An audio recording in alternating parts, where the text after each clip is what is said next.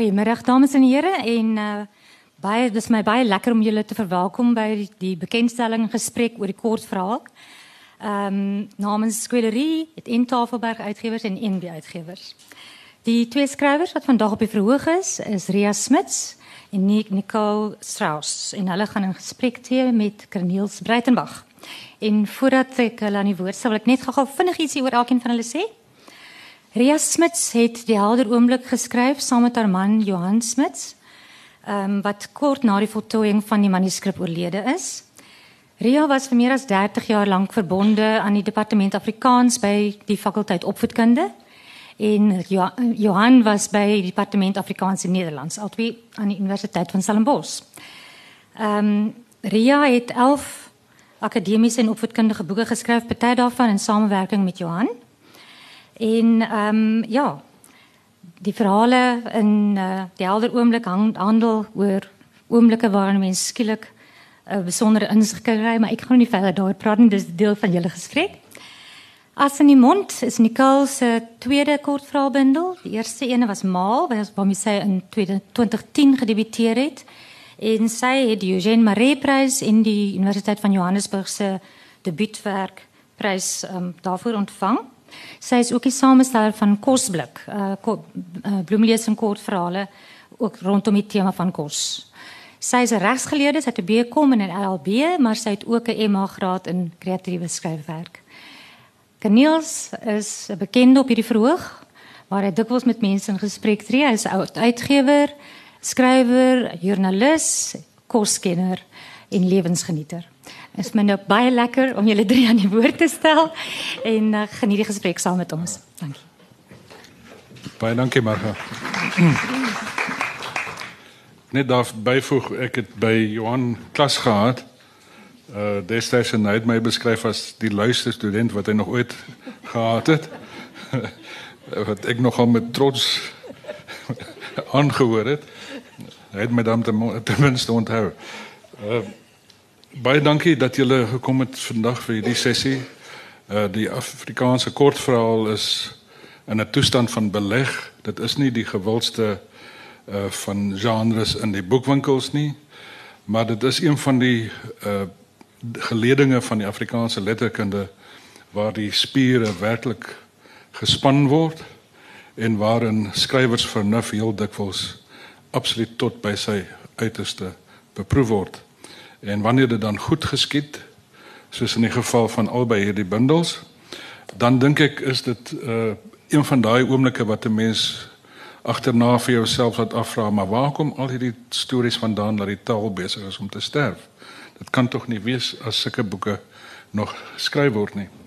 Ehm um, die twee bundels is van uiteenlopende aard. Ek het hulle albei nou in die laaste paar weke weer gelees. Hier eers eerste maal en hierdie een vir die tweede uh, keer. Ehm um, uiteenlopende aard as in die mond ek wil nie die gesprek vooruitloop nie maar is werklik 'n besonderse bundel met uh, op 'n manier baie sterk koneksies met langer prosa. Uh en die helder oomblik is 'n voortsetting van daai bundel onverbloemde plesier uh die waters wat verby is van enkele jaar gelede en waaroor ek dink ons so 3 jaar gelede in die Erfurthuis nog gepraat het. Ehm um, dit is ook 'n heel besonderse bundel iets wat my teruggeneem het na die skryfkuns van Dr. Konde Villiers en heel dikwels ook sulke egos gehad het van iemand wat jare lank met Ria en Johan bevriend was die Oukamp. Ek weet nie of daar direkte beïnvloeding was nie, maar ek dink Johan en Ria het elk op hulle eie manier en gesamentlik en uiteindelik uh, eie stemme ontwikkel wat onbetwisbaar hulle sinne is. Ehm um, dis 'n bundel waarvoor ek baie lief is, daarom het ek ook ingestem dat hulle my aanhaal op die omslag. Dit is werklik iets spesiaals en ek is baie baie dankbaar dat dit gepubliseer is ehm um, na Johan se se oorlede. As ons begin met die vrae, ek dink ek sal by Ria eers begin. Uh omdat sy ook in Betty's Bay woon. Uh Ria, jou en Johan se die water wat verby is het in 2012 verskyn en is baie goed ontvang. En watter opsig verskil die helder oomblik daarvan? Corneels, ek weet nie of die bundels baie verskil nie. Jy weet, 'n skrywer is nie noodwendig die beste leser van sy eie tekste nie. Uh dat jou tweede bundel jou met angs vervul is seker, want jy bid maar net dat dit nie opvallend slegter as die eerste ontvang moet word nie en dat kritici nie van jou gaan sê wat Johan eenmal van 'n student gesê het, naamlik jy handhaaf 'n dalende lyn nie. die bundels toon wat hulle struktuur betref, hulle is waar sekere ooreenkomste. Ek sou albei eenheidsbundels noem. Dit wil sê dit is bundels waar binne die verhale, hoewel hulle in isolasie gelees nie direk aangetast word daardeur nie, tog sterker en interessanter word wanneer hulle binne samehang van die bundel gelees word. Die hmm. dus min of meer dieselfde tegniek. Ehm maar die eerste bundel se verhale skakel met mekaar deur duidelike toespitsing op sekere temas. Ehm daar is veral die eensame mens, die outsider en dan verder die plek van water in mense se bestaan, die rol van die afdraaipad en meer as een verwysing na Henny Oukamp. Kan u my hoor? Dankie. Heel party van die verhale is geplaas in die Noordweste. In hierdie bundel is die skakels tussen die verhale miskien minder opvallend. Hulle is dus tematies waarskynlik verder uitmekaar as in die eerste bundel. Uh En die band wat tussen hulle bestaan is eintlik die titel. Al die verhale het te maak met 'n oomblik van helderheid, 'n oomblik van insig waar jy iets snap vir die eerste keer miskien of in elk geval besef wat jy altyd gedink het is nie reg nie. En daar is ook verhale waar die hoofkarakter nie die insig het nie wat die leser teen daardie tyd wel het. En die storie speel meestal af anders as die eerste bundel wat in die Noord-Kaap afspeel, meer in die Wes-Kaap en ook heel wat in Europa. Wat natuurlik opvallend anders is, is dat Johan dood is voordat die bundel hierdie ene finaal na die drukker gegaan het. Ons het saam die oorspronklike manuskrip afgewerk en dit vir Etienne Bloemhof besorg, maar daar het baie tyd verloop vandat die bundel aanvaar is, ekskuus tog totdat dit gedruk is. En in die laaste stadiums het ek besluit ek gaan weer 'n keer kyk na die keerders verslae. Ek is 'n ongeneeslike peuteraar aan 'n teks.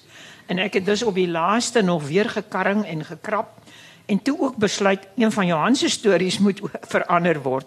En aanvanklik was dit vir my regtig moeilik om aan sy goed te torring sonder dat ek vir hom kan sê ek doen dit. Maar ek het toe tog besluit ek gaan en ek kan en ek het my kop laat sak en ek het nogal ingrypend hersien. So in 'n sekere mate ja, daar is daar is ooreenkomste. Ekskuus tog, maar daar is ook beduidende verskille. Ehm um, as ek mag vra net so terwyl jy dit noem, watter verhaal was dit wat waar verander is? Uh ehm um, wat is die storie Hannelie? Nee. Ons kom net Ek het aan die ja. verteller se identiteit ja. verander. Dit was 'n ander vertelperspektief ja. en ek het gedink ek verbeter dit. ek wel, soos ek Johan ken, dink ek sy het 'n bietjie gemompel dit maar uiteindelik ingestem het. ja. Nicole, uh, by jou te kom jou debuutbundel Maal het twee literêre pryse ontvang soos Margaret nou genoem het die Eugène Maree prys wat 'n baie gesogte een is van die Suid-Afrikaanse Akademie en dan die Universiteit van Johannesburg nou vir die eh, beste debuutwerk. Hoe sien jy die ontwikkeling van jou skryfwerk na die verskyning van die debuutwerk as mens nou 'n gedagte het wat Ria genoem het van daai moeilike tweedeling? Ja, ek sal ook as ek was maklik. Ehm um, vir twee redes. Eerstens ook soos Ria gesê die die weet mense is bang vir die dalende standaard, maar vir die, die ander rede is het die die eerste bundel as deel van my meestersgraad in skepende skryfkunde voltooi. So ek het voortdurend die terugvoer van van my studieleer gehad wat dit tot 'n baie groot mate um, aanhelp omdat mens waar jy jou selfvertroue miskien jy weet te kort kom is daar iemand anders wat jou help daarmee en dit het ek nie gehad met die tweede bundel nie en dit was 'n baie groot aanpassing vir my om daaraan gewoon te raak. Ek beny jou dat jy en Johan so kon saamskryf want ek dink dit dit vul daai leemte tot 'n baie groot mate aan. So dit was vir my 'n groot um, brug om te oorkom en ek dink ook dis deel van die rede hoekom dit relatief lank gevat het vir my tweede bundel om te verskyn. Want ek is baie krities en ek sit baie druk op myself en en die die soort van die ontvangs van maal het dit het dit vererger. Maar ek dink op die eind is is as in die mond 'n bundel wat op sy eie voete kan staan en en nie terug te staan vir maal nie. Dit is my baie lekker om dit te skryf. Ek het op 'n ander manier benader terwyl al twee bundels tot 'n baie groot mate vir al die twee in een eenheidsbundel is. Het ek doelbewus met as in die mond besluit om so te doen. Terwyl met maal het amper toevallig gebeur het dit deur die loop van die skryf van die manuskrip het daar het, het dit by my opgekom dat dit sal eintlik lekker wees as van hierdie karakters weer voorkom en ek het dit so beplan soos wat ek aangegaan het.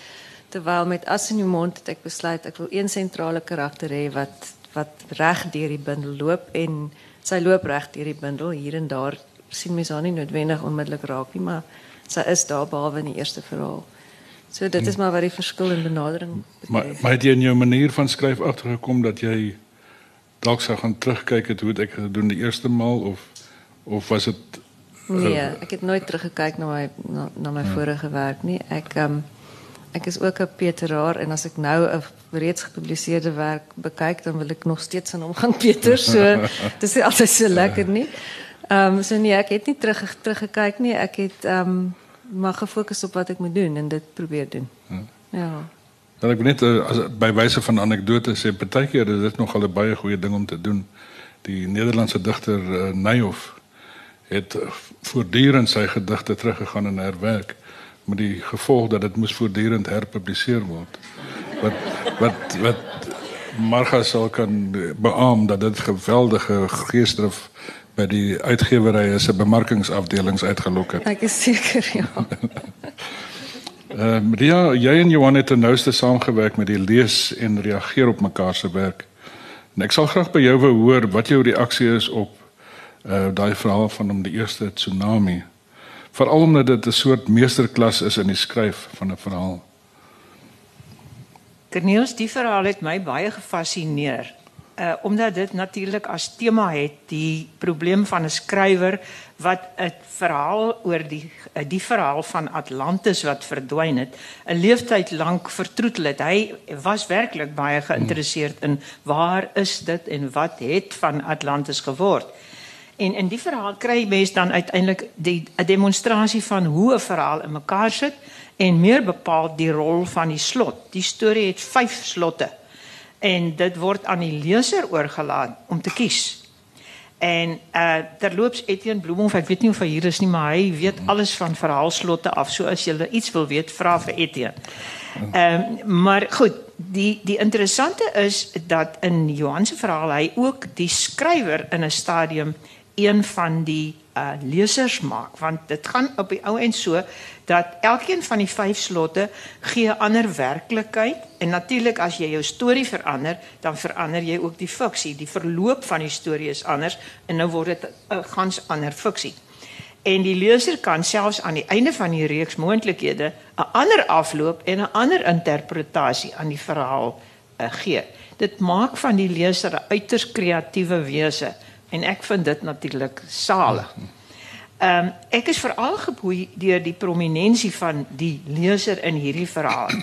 En uh, en dit is natuurlik ek sê nou die verteller plaas homself ook in die posisie van leser, want ek dink dit is wat tydens die skryfproses gebeur. En uh, dat die skrywer algaande afstand kry tot sy maaksel.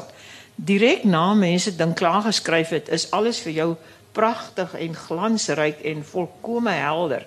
Maar soos die tyd verloop, begin jy uittreë uit hierdie salige rol van skrywer en jy kyk met groter eh, kritiese oë na jou eie teks en ja, ja aanvanklik was alles vir jou dierbaar en na kort alles vir jou min of meer verfoeilik. Maar eers langs die pad kry jy dan 'n soort middelposisie. 'n Verder interessante ding in die verhaal is vir my die identiteit van die ek, want dit gaan oor 'n man op reis deur Beiere. En is fascinerend om te besluit is die ek wat op reis is, die ek wat besin oor hoe gaan ek my stories skryf. So jy het interessante ekke, jy het interessante slotte, jy het bespiegeling oor hoe begin 'n storie en ehm dis veral interessant dat die skrywer worstel met die ruimte waar gaan hy sy storie laat afspeel? So asof die storie bestaan sonder 'n ruimte wat natuurlik 'n hmm. interessante kwessie is. Kan jy die storie net op 'n plek neersit en nou sit die storie wat jy wou geskryf het of maak elke plek die storie anders? So dis 'n interessante tegniese ding, hoewel ek nie dink dit is vreeslik moeilik nie. Dit klink nou mis, miskien meer indrukwekkend, maar ek dink dit is 'n boeiende speletjie. En wat ook interessant is is vir my uh, dat die verhaal eindig met stippels. Nou u weet nou die titel is die eerste tsunami. En 'n bietjie tipografiese eksperimentering laat 'n mens partykeer 'n leesteken nogal vernuftig gebruik. In die geval, die stippels nie sonder betekenis nie.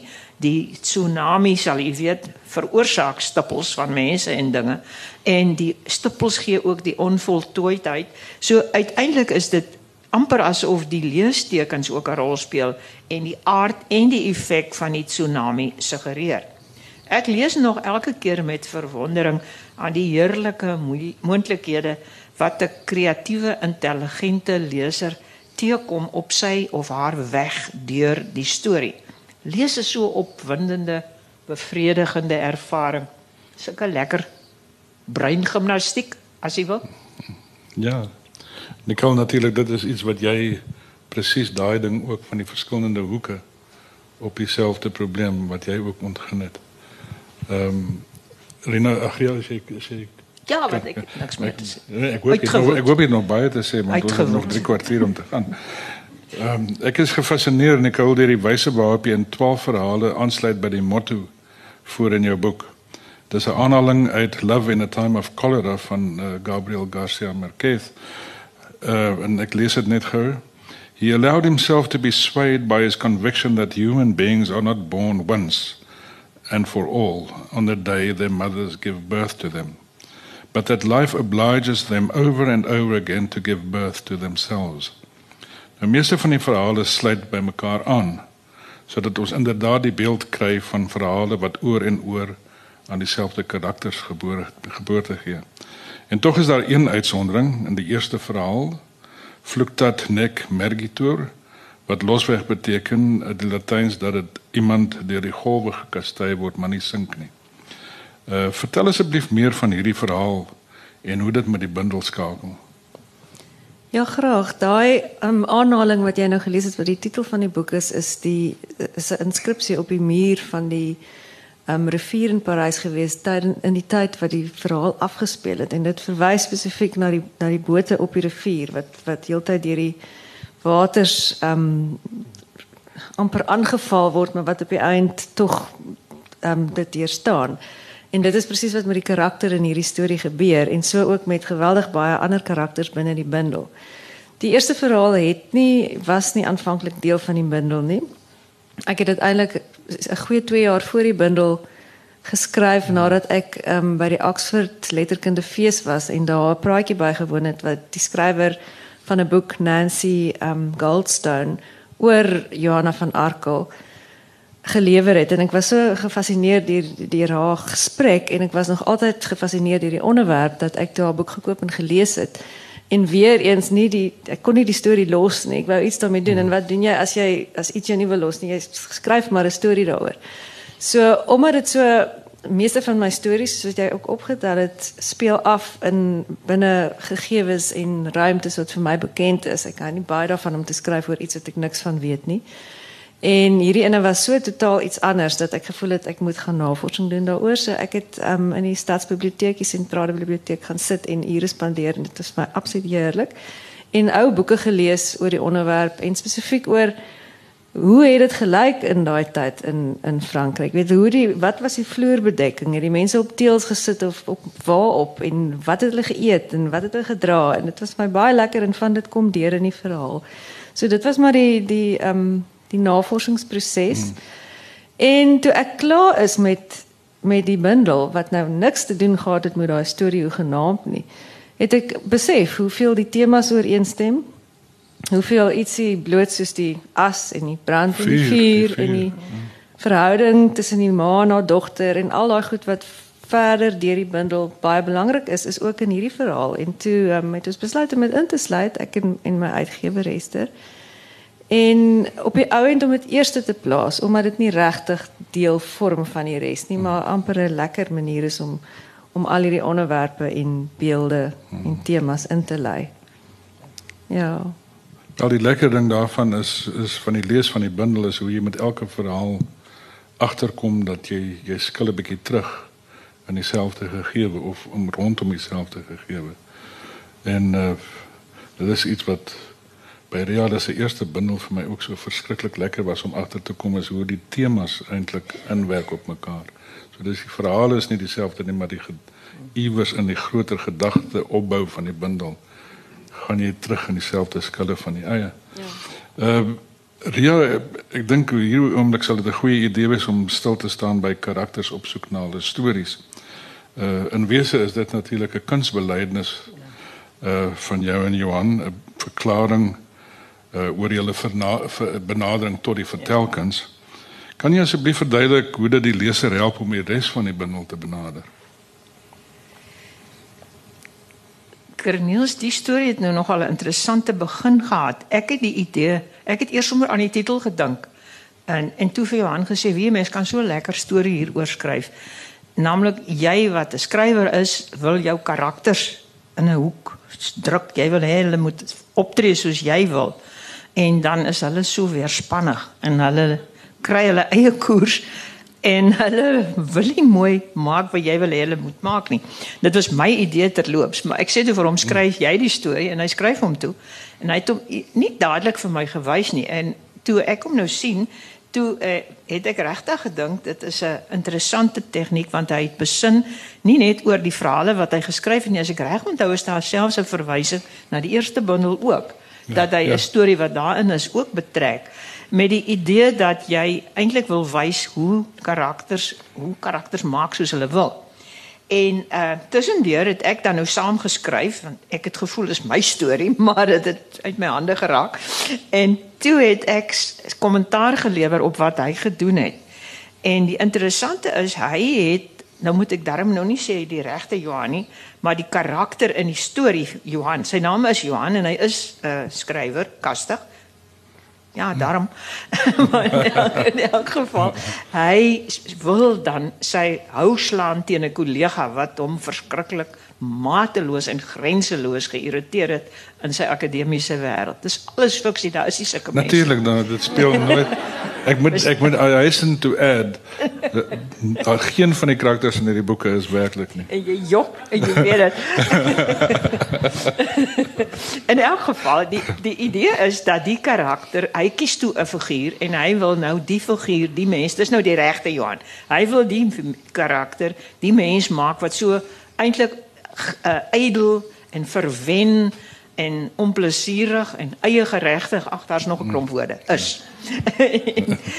en uh toe skryf hy die storie en toe kry hy nie reg om dis nou in die storie, maar dis ook waar van my reaksie want ek moet nou in die in die stories skryf ek nou my reaksie op sy stories. En die werklikheid is en dit dink ek is 'n les wat 'n mens maar al die tyd moet in gedagte hou dat 'n karakter is nie sommer net boos nie en daar is 'n stukkie deernis wat jy ontwikkel al is die mens hoe onaptydelik en moedswillig is daar iets wat 'n mate van jammer te wek. En Johan, die regte Johan was naderhand bitterlik geïrriteerd want hy wil elke keer hê maar ek moet nou saamstem. Dit is tog nou regtig onaptydelik. En dan sê ek ja en ek nou die groot menslikheid, né? Ek sê ja, maar daarom daar is 'n verskoning. Nou dit was 'n spel ja, dat ja. ons eintlik die die idee gekry het of die idee wou skep dat daar is 'n groot verskil tussen werklikheid en fiksie en dat Johan in die rol van skrywer moet leer dat die skrywer nie volledig in beheer van sy storie is nie. Die karakters doen soos hulle wil. Jy maak 'n karakter en hy kry 'n eie lewe. Ek dink jy sal saamstem Nicole. Dit is onvermydelik. Wat ja, jy absoluut. begin doen is nie wat jy uiteindelik reg kry nie. Ja. En die ander ding is dan dat dit is so stories met hulle skrywers maak, maar wat dan verder in die storie interessant is vir my, is dat die leser ook so weerspannig is jy dink jou leser gaan so reageer en hy gaan betraand wees of hy gaan saam met jou kwaad wees en dis net nie wat lesers doen nie. Hulle bring hulle self, hulle eie reaksies, hulle manier van lees, hulle verwysingswêreld, hulle gemoedslewe, hulle ouderdom, hulle alles bring hulle na die teks.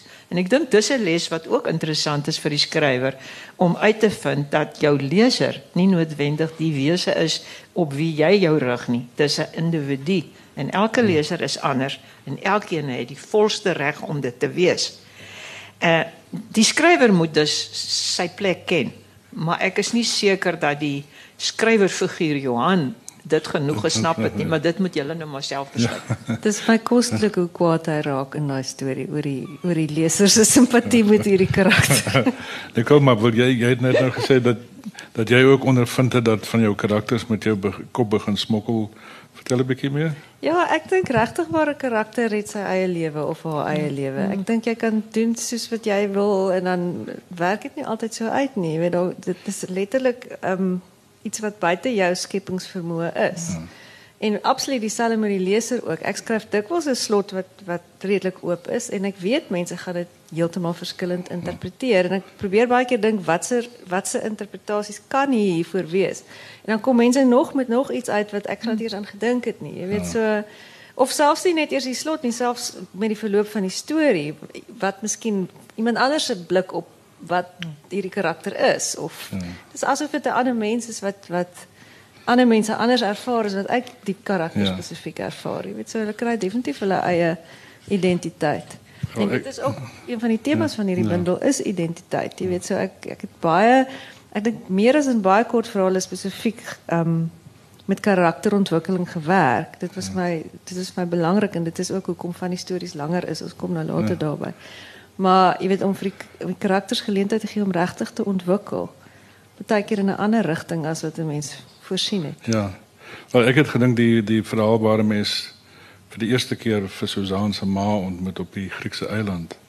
Is een van daai wonderlike kortverhale waarin jy nooit regtig seker is presies wat aan die gang is nie en dan gee sy vir jou aan die einde ook so 'n sleutel wat juist dit bevestig dat jy nie moet weet wat presies gebeur het nie. Ja, dit is baie belangrik want die die die karakter in daai verhaal is self nie heeltemal seker. Jy weet, ja. ek het te veel. Ehm um, ek dink ons bly by jou Nicole, die merkwaardige aspek van jou bundel is vir my die feit dat dit met uitsondering dan van die eerste verhaal uh eintlik 'n roman kon gewees het. Een waarvan jy die narratief versplinter het sodat 'n mens uit verskillende hoeke 'n blik kry op die doen en late van personages in daardie narratief. Sal jy asseblief meer vertel oor die oorwegings wat jou gelei het om hierdie vertelling dan 'n kort verhaalbundel te maak en nie 'n roman nie?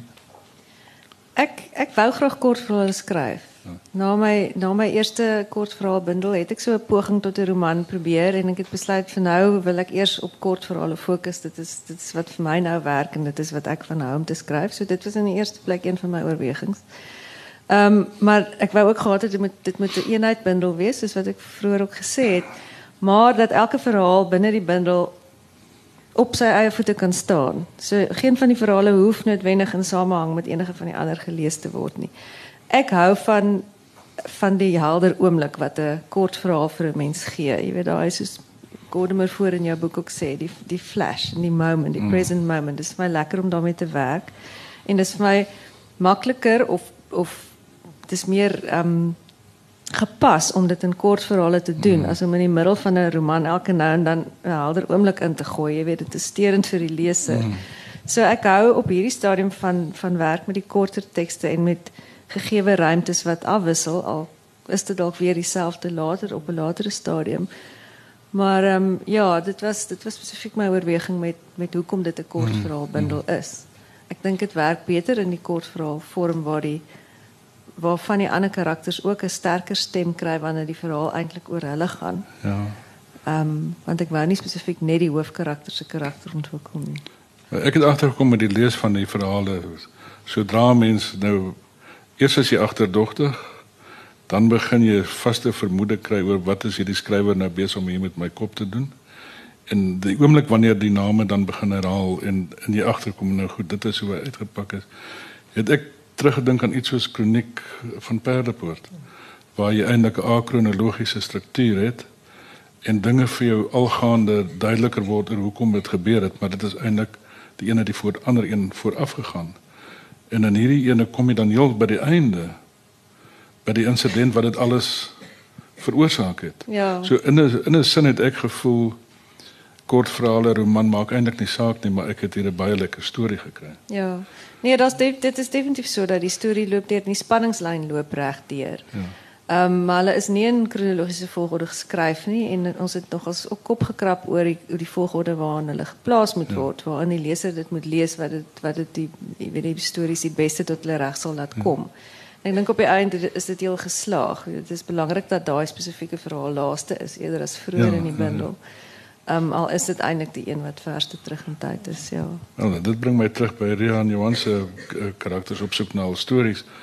Uh wat jy dan eintlik op 'n manier bewimpel is of waarmee jy werk is dat jou leser kry 'n sekere gevoel vir goed en jy speel die hele tyd daarteen in. Uh, met ander woorde, jy kan nooit regtig volle simpatie of wanneer jy dink jy het nou volle simpatie met die ma of met die dogter of met die pa, kom in die volgende verhaal dan kry jy kry jy nou net uit 'n ander hoek uit nou skielik moet jy simpatie hê met iemand wat jy nog nie van tevore gehad het nie. En dan wanneer daai verhaal is, het jy dit nou. En dan kom jy agter my magtig in die volgende verhaal, maar daar's nog ander goedies. So die daai skille van die eie wat so afkom die hele tyd is Ja. ja. vir my 'n verbluffende tegniek. Ek dink ook dit is dit is in samehang ook met die met die titel wat na die tyd ook gekom het nadat dit heeltemal klaar was, maar die die as in die mond is nie net die die fisiese as nie, dis daai daai ding van as. As iets anders gebeur het, as daai een laagie van die ei nou anders afgeskil was, hoe sou dit dan gelyk het? Want daar's soveel asse in mense se lewens, jy weet nie. Dis dog, né? Ja, so Ehm nou een van julle albei saam. Ag nee, een van die uh uh um van Nicole en Ria en Johan se karakters op hulle uh, op soek na stories. Waar skeel hulle dat 'n skrywer karakters uit sy haar- sy of haar eie ervaringsveld kan gebruik? Maar dat 'n mens moet waak daarteen dat hulle self hulle hulself nie herken nie. Dit is natuurlik iets wat Oukamp beslag getref het met ongemaklike gevolge. Wat is jou benadering tot jou karakters? Uh kies jy hulle uit die regte lewe uit? Is daar iewers 'n raakpunt of is dit kompositums? Ek dink so ja, laasgenoemde. Ek dink daar's daar's van baie mense wat ek moontlik ken en of van weet, is daar ietsie in baie karakters. Jy weet daar- daar's daar's geen karakters in my boek en ek kan dit werklik sê wat spesifiek gebaseer is op iemand nie. Ehm maar d- ehm um, gebeurtenisse persoonlikheidseienskappe, enige iets soos ervarings, iets soos dit sal partykeer van weet toegeskryf wees aan iemand, maar ehm um, dieselfde persoon sal nie op verskillende maniere in een karakter bestaan nie nee. En daar's natuurlik geen plek vir wraak in die letterkunde nie. Nee, glad. Ria, uh, Nicole haal in haar laaste verhaal wat ons ook die sleutelverhaal van haar bundel kan noem, vir Freud aan. Unexpressed emotions will never die. They are buried alive and will come forth later in uglier ways. Ek vind heelwat unexpressed emotions in jou en Johan se verhale, die dinge wat bly versuur uh en onderlangs broei en so dikwels in die slot van die verhale deursypel.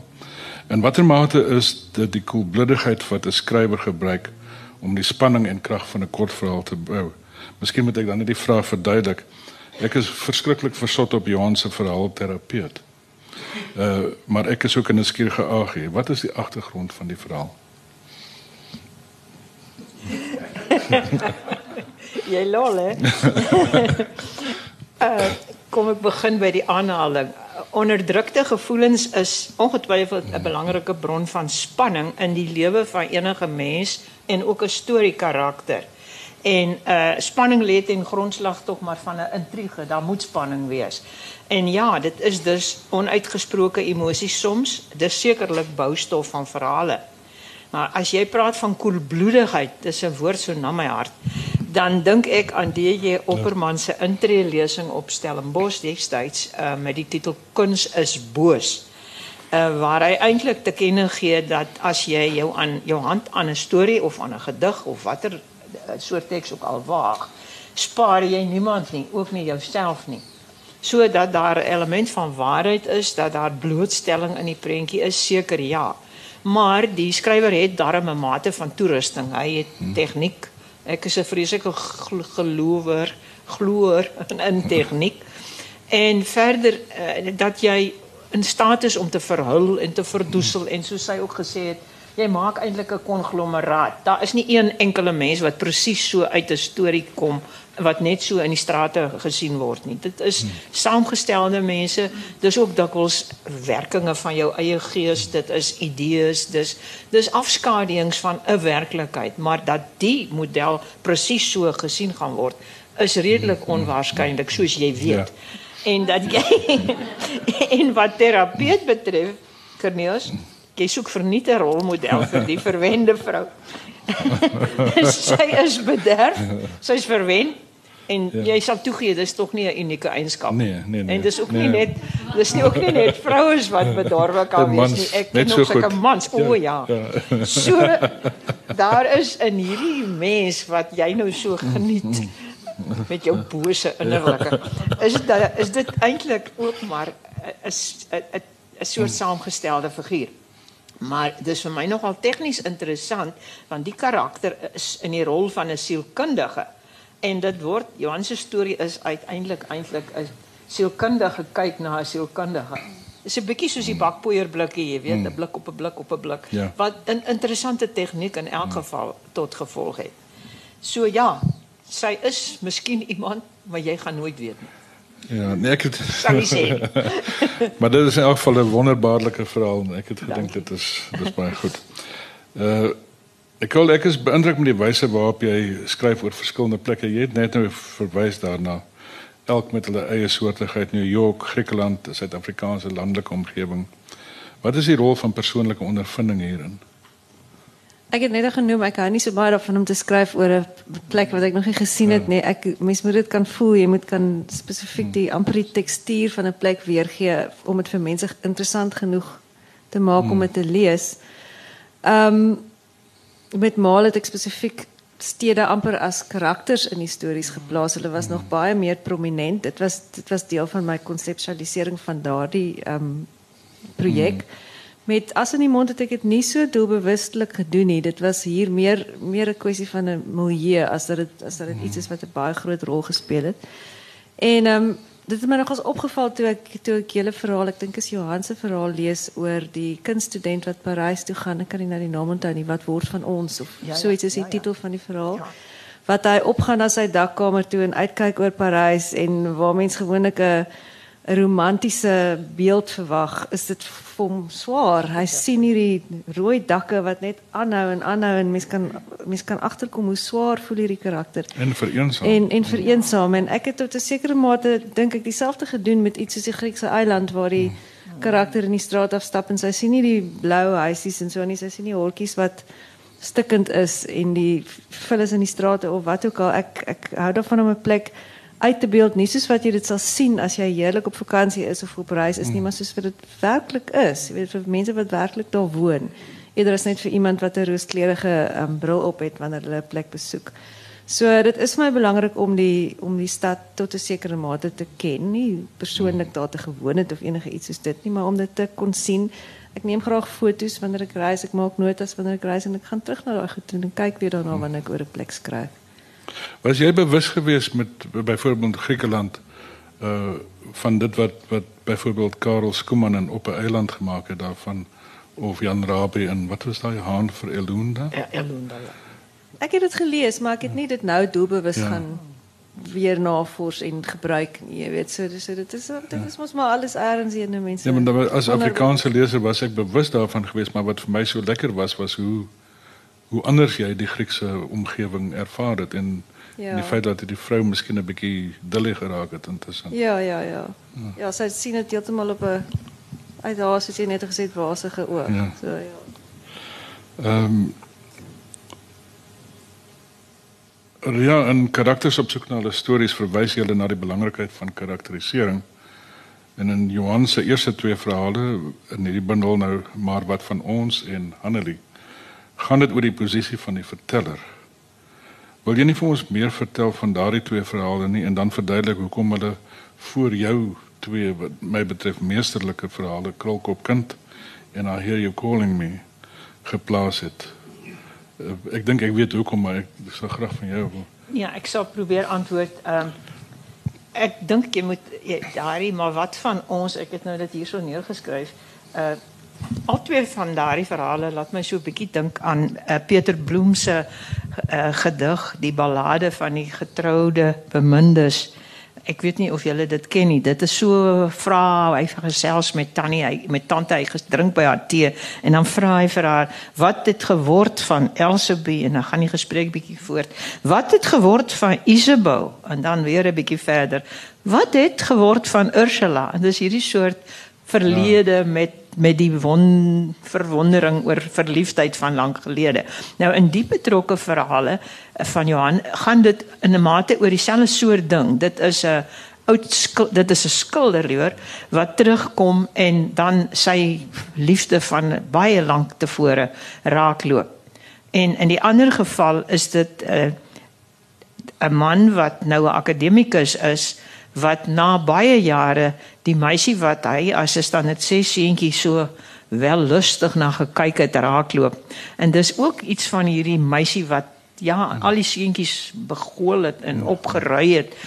En en en terwyl jy nou so agierig is, daar was so 'n meisiekind ja, in Johan se verlede. Ja, ek is en, ek het ek kon dit nie anders interpreteer. Maar hy was net hy was net 'n standaard 6, so hy was buite bereik van daai swetende ja. handjies. En elke ja, in elk geval, het was 'n futiele passie. Maar ja. is alle passie nie futiel nie. Ag, ja, so 'n magtige waarheid verdien 'n roman.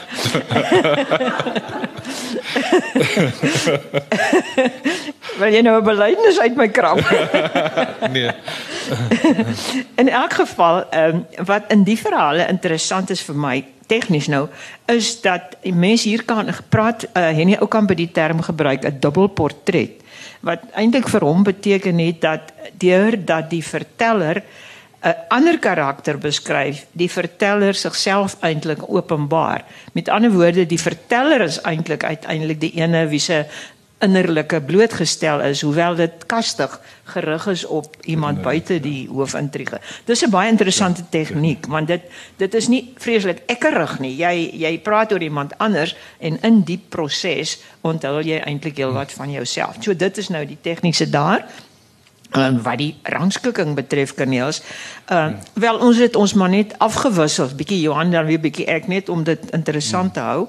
En uh, verder ehm uh, het ons die verhale saamgegroepeer wat so min of meer 'n mate van ooreenkoms vertoon. En in in albei die verhale van my probeer ek iets wys van die verskriklike emosionele uitwerking wat verraad op mense het. Dis heeltemal uiteenlopend, maar dis hierdie ernstige emosionele uh skok. En in albei van hulle is ek dink ek nogal nee, nou praat ek tredig. In albei van hulle is die terughou van inligting tegnies nogal interessant.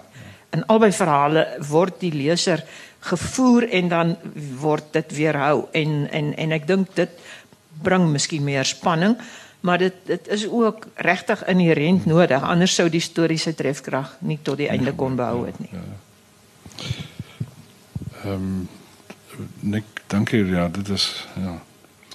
En Nicole, um, een van die deurlopende elemente in in jou bundel is iets wat 'n mens baie op spyskaarte kry, 'n lemon meringue, 'n suur lemon meringue, dit my persoonlike gunsteling na 'n peck and pie. Jy maak dat 'n mens nooit weer na 'n lemon meringue sal kyk op sonder om te filosofeer oor die gehalte van die meringue nie.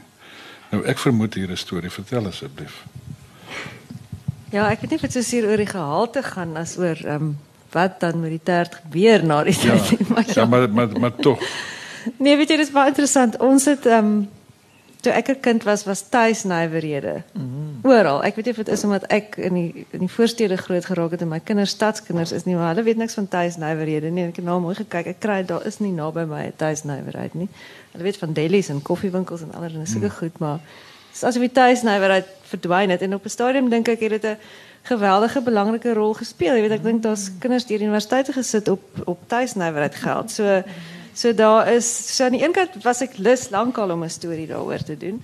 En ehm in hierdie in hierdie bundel is daar twee verhale, hulle dieselfde titel ook wat wat spesifiek met 'n lemon meringue Mm. Handel nou die beste lemon meringue bakster sit hier in die saal vandag. So miskien moet ek te veel oor die geskiedenis van die lemon meringue sê nie. maar maar ja, ek kan tot vandag is toe is ek nie baie lief vir peppermint crisp nie en dit kom uit uit ja. uit die tuisnywerheid daar uit. En ehm um, het jy al die twee suurlemoen met peppermint crisp gekombineer? Nee. Huiskasterd. jammer, ek het jou nou dit is nou ongevraagd. Gaan aan jammer, ek het jou nou onderbreek. Ja, nee, so so dit was so so dit is eintlik maar so of 'n jy weet weer eens 'n gegewe uit die verlede wat wat kom aanklop het en gesê het ek wil in hierdie storie wees en ek wil 'n groot rol in speel hmm. en ehm um, op 'n stadium was die was die titel van die bundel in die skadu van eierwit eerder as as in die mond. Jy weet en dit het besluit nee, dit gaan nie heeltemal werk vir 'n titel nie en ook ek wou nie omdat dit 'n eenheidsbundel is, wou ek nie die titel um, een van die verhale se titels maak nie. Ek wou gehad dit moet mm. afsonderlik mm. wees. So ja, daar daar is maar 'n storie, maar ehm um, jy moet maar self wonder presies wat dit is. Goeie smaak. Ehm um, Ja, een van die lekkerste wapens in die kortverhaalskrywers se arsenaal is die betrek van dinge sonder om hulle werklik te noem. Jy het net nou genoem van die fokus wat eintlik elders is. Vertel ons meer van die jazzkonsert van Johan en aan die ander kant jou eie Duivelsbrug. Corneels die jazzkonsert het 'n 'n duidelike basis in die werklikheid. Dit is 'n vrou wat ons ek en Johan goed geken het wat 'n vreeslike stuitige byeenkoms gehou het in 'n stadium en letterlik op dieselfde oomblik wat sy veronderstel was om waardig en bedroef en gewyd op 'n ander plek te verskyn en sy het dit verkies om om haar jazzkonsert te reël. So die stukkie is waar.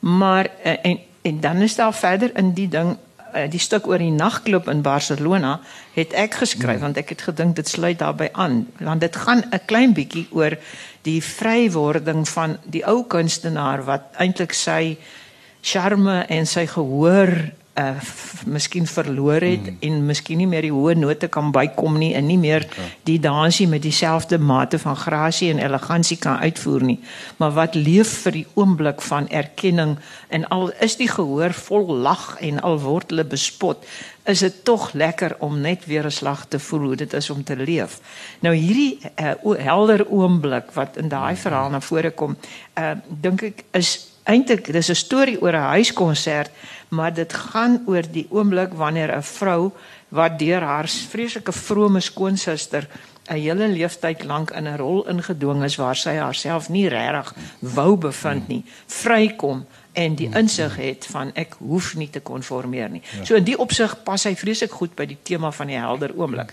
Maar hy is stuitig en hy is snaaks en ja, hmm, dit is omtrent wat ek nou kan sê. Wat die duivelsbrug betref, dit is 'n stuk uh letterlik 'n komponent. Ek gaan nou net hier so voor my kyk want ek ken die storie nou al so af uit my kop uit nou wil ek my dan nie heeltemal herhaal nie. Dit is 'n interessante komponent van die volksliteratuur.